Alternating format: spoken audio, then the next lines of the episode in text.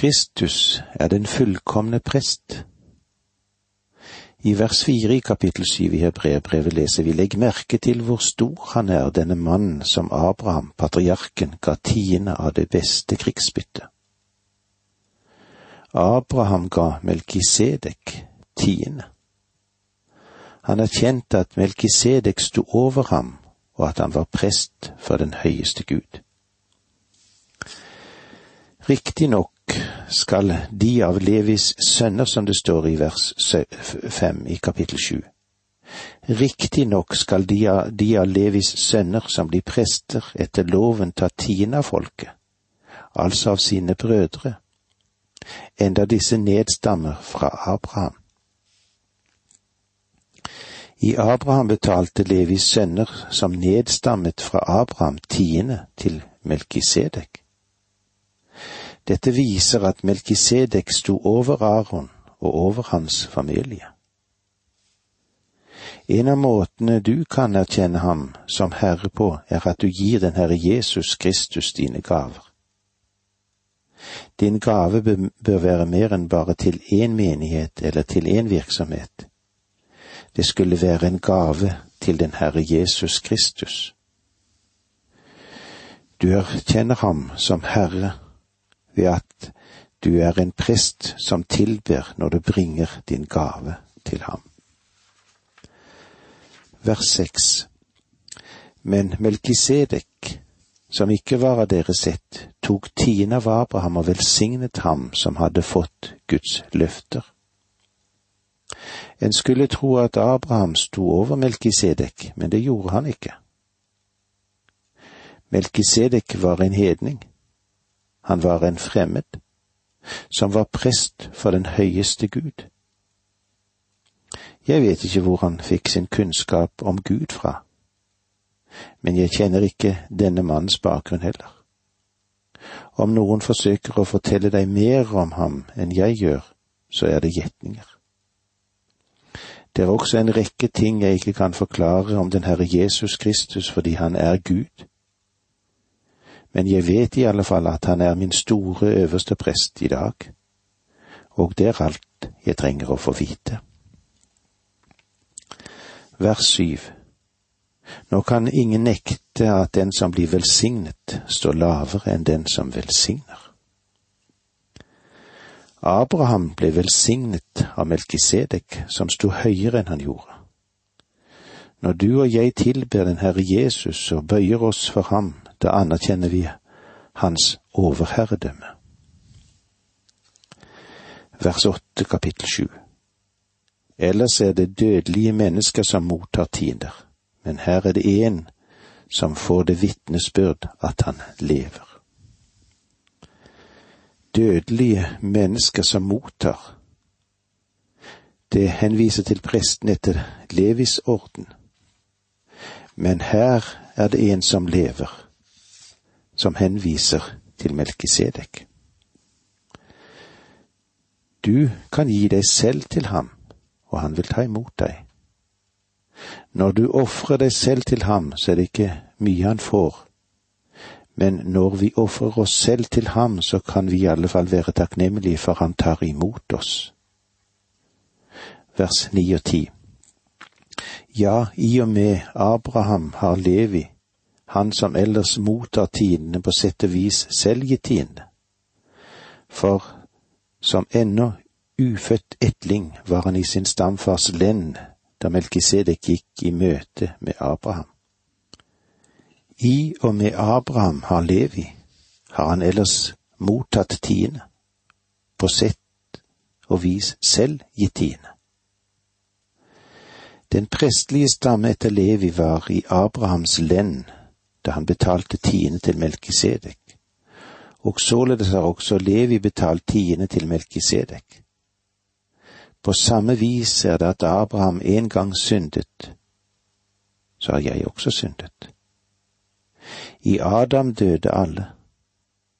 Grunnen til at du og jeg kommer til å dø, og at Herren drøyer med å komme, er at vi er i Adam, og vi syndet i Adam men i dag står jeg frem som en fullkommen fordi jeg er i Kristus. Er du klar over det? Gud ser meg i Kristus, og jeg er fullkommen i ham.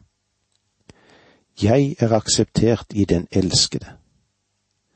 Dette er en stor Skriftens sannhet, som her nedfelles i det vi kan forstå det, i et forståelig språk. Vers 11 kapittel 7 Loven som folket fikk hvile på det levittiske prestedømmet. Dersom dette prestedømmet hadde ført til fullendelse, hvorfor måtte det da komme en prest av et annet slag? En som kalles prest på Melkisedeks vis og ikke på Arons vis. Med andre ord, det som karakteriserer Arons prestedømme er det var ufullstendig. Det ga aldri fullkommenhet.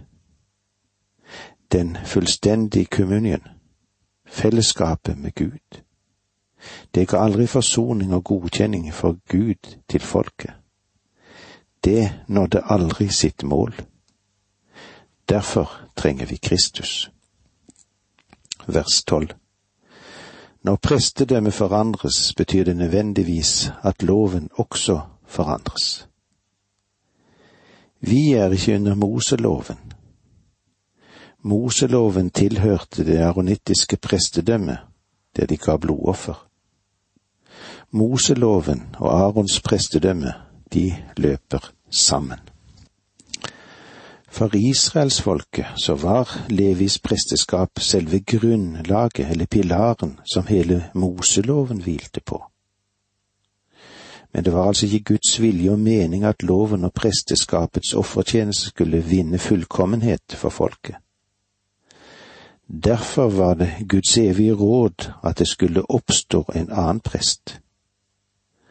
Og dette er den historiske begrunnelse om at Jesus ikke var av Levis stamme. Nei, vår Herre, han kom fra Judas stammen. Vi leser nå litt videre fra vers 13 og 14 kapittel 7. For han som det her er tale om, hørte til en annen stamme, og ingen fra den stammen har noen gang gjort tjeneste ved alteret. Det er en kjent sak at Vår Herre er utgått fra judastammen, og Moses har aldri sagt noe om prester fra den stammen. Den Herre Jesus kom altså fra judastammen, og derfor kunne han aldri blitt en prest her på jord. Den stammen som alle prestene kom fra, var fra Levi-stammen. Prestedømmet måtte endres siden Kristus ikke kom fra Levi-stammen. Vi leser videre fra vers 15. Alt dette blir enda tydeligere når det står fram en annen prest som er lik Melkisedek. Dette var profetien i Salme 110 angående Messias som skulle komme. Og la oss lese Salme 110. Prestekongen. En Davids-salme. Herren sier til min Herre, Sett deg ved min høyre hånd til jeg får lagt dine fiender som skammel for dine føtter. Fra Sion rekker Herren ut din mektige kongestav, du skal herske blant dine fiender. Ditt folk møter villig fram den dagen du mønstrer den her. I hellig skrud kommer din ungdom til deg som dugg, ut av morgenrødens skjød. Herren har sverget og tar det ikke tilbake. Du skal være prest til evig tid på Melkisedeks vis. Herren ved din høyre side, han knuser konger på sin vredes dag. Han dømmer folkeslagene, det er fullt av lik. Høvdinger knuser han vidt over jord. Kongen drikker av bekken ved veien, derfor løfter han hodet høyt. I vers 16 og 17 leser vi. Han er ikke blitt prest etter en lov som krever en bestemt avstamning, men på grunn av kraften i et uforgjengelig liv. Han får jo det vitnesbyrdet du skal være prest til evig tid på Melkisedeks vis. Kristus ble prest ved sin oppstandelse fra de døde. Han har et liv som er uten ende. Og med disse ordene sier vi takk for nå, må Gud være med deg. Dette undervisningsprogrammet består av to deler. Åge Nevland fortsetter nå med andre del av dagens undervisning. Vi er i Hebreerbrevet i det syvende kapittel, og vi vil se at Kristus er den fullkomne prest. Han er den fullkomne prest. Vi eh, vil stoppe litt opp for eh, vers 16 og 17 i det syvende kapittelet i Hebreerbrevet. Han har ikke blitt prest etter en lov som krever en bestemt avstamning, men på grunn av kraften i et uforgjengelig liv. Han får jo det vitnesbyrdet, du skal være prest til evig tid på Melkisedeks vis. Her ser vi altså at Jesus stiger frem på en spesiell måte. Først denne store forskjell at Guds lov og bud satte det levittiske prester til tjeneste, og det var ingen andre som kunne ta seg til denne tjenesten. Og loven bestemte at ingen andre kvalifikasjoner for presten enn at moren skulle være en israelitt, og at faren skulle være en prest før ham. Dette var et ytre bud som bare angikk det som har med legeme og kjød å gjøre, et kjødelig bud, eller lovsbud. Men Jesus, vår ypperste prest, var etter kjød av Davids ett. Men først og fremst ble Jesus vår øverste prest ifølge en uforgjengelig livskraft. En uforgjengelig livskraft. Hva er det som stikker frem her? Jo, at hebreerbrevet faktisk bruker jomfrufødsel som hovedbevis på at Jesus er absolutt og totalt annerledes enn alle andre mennesketyper og ypperste prester, om vi da ser på Melkisedek, i tillegg til alle de andre. Vi må forsøke å holde sammen dette uttrykket. Det er en kjent sak at Vår Herre er utgått fra judastammen det gir oss uttrykket, eller det som òg brukes i gresk sammenheng, med lyset. Sannhetens lys, som en soloppgang eller som en stjerne opprinner det. Gud lot soloppgangen fra det høye gjester, som det står i Lukas. Jesus er blitt ypperste prest, ifølge et uforgjengelig livskraft Ordet ble kjød og tok bolig iblant oss. Ja, slik er det. Det uforgjengelige livskraft er Guds evige liv som aldri kan bli ødelagt. Og her tales det om Jesu øverste prestelige kall. Og vi må sammenholde det med ordet, det som er opprundet, det som kom fra noe. Og vi kan ikke unngå å tenke på budet om at Jesus skulle komme. Den hellige ånd skal komme over deg, og den høyeste kraft skal overskygge deg. Derfor skal også den hellige som fødes kalles Guds sønn, som det står i Lukas 1,35. Den hellige ånd åpenbarer du forgjengelig livskraft. Så stor vekt legger hebreerbrevet på det enkelte ordet av Gud i Det gamle testamentet som vi òg så i Salme 110.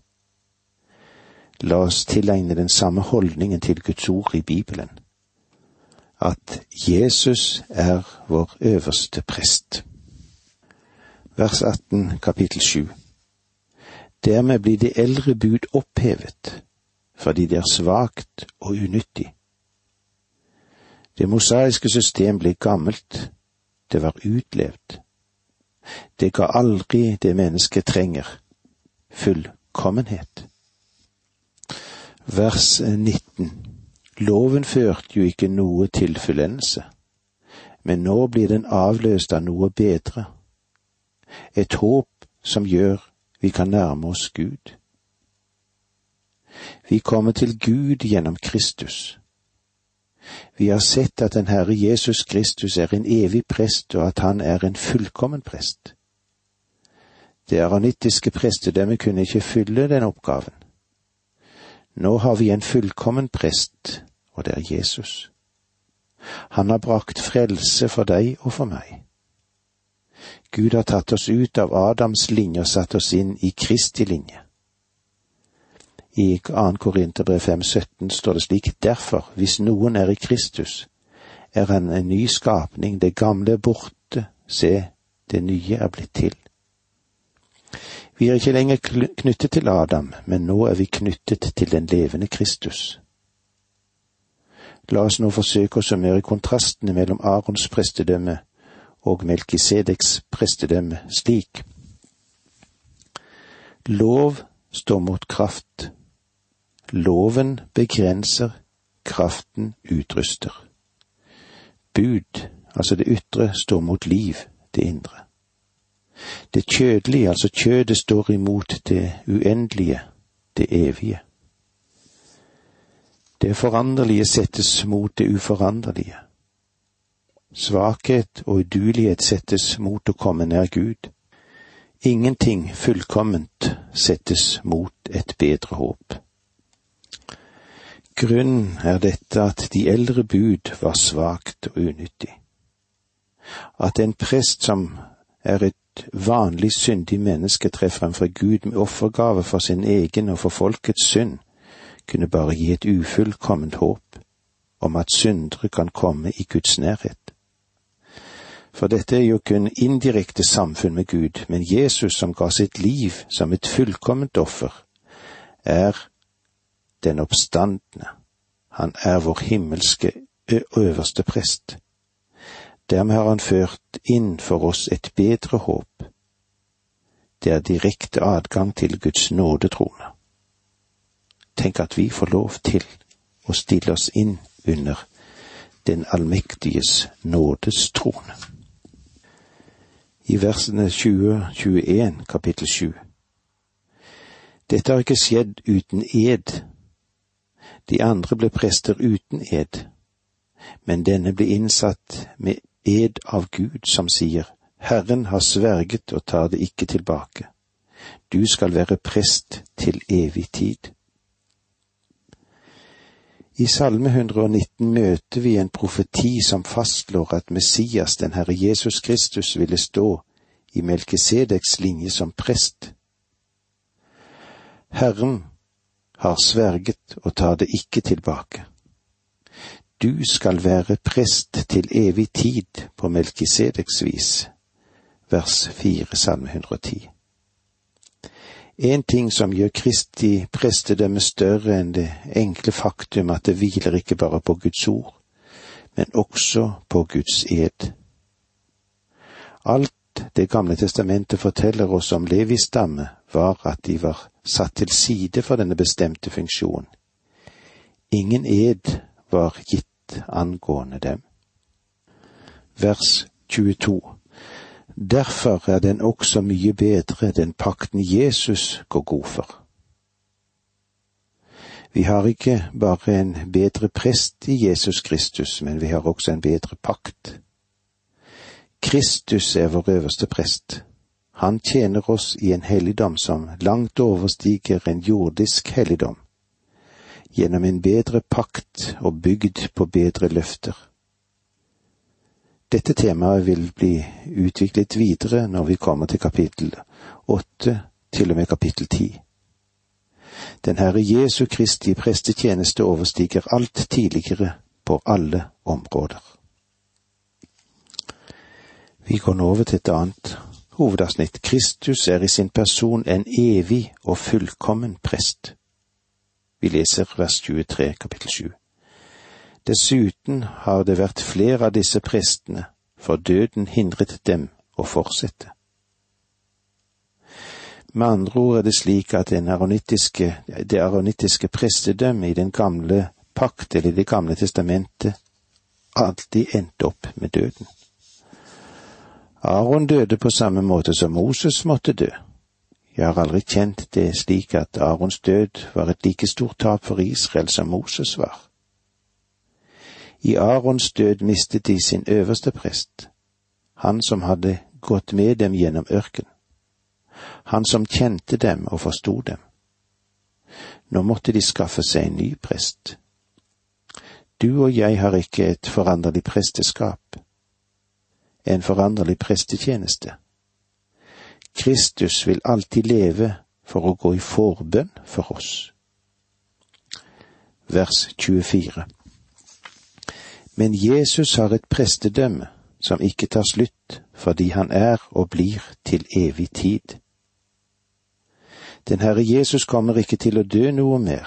Han døde en gang for våre synder, men han vil aldri igjen dø. Hele tiden er han der, levende for din og min skyld. Det neste verset er kanskje nøkkelverset i hele dette avsnittet, og det er selve hjertet i evangeliet. Vers 25. Derfor kan han også fullt og helt frelse den som kommer til Gud ved ham, fordi han alltid lever og går i forbønn for dem. Derfor. Igjen har vi dette lille hengselet som brukes for å svinge en stor dør. Den svinger tilbake til det som er blitt sagt tidligere, og svinger opp for det som ligger foran oss. Han lever alltid. Han lever alltid for å gå i forbønn for oss.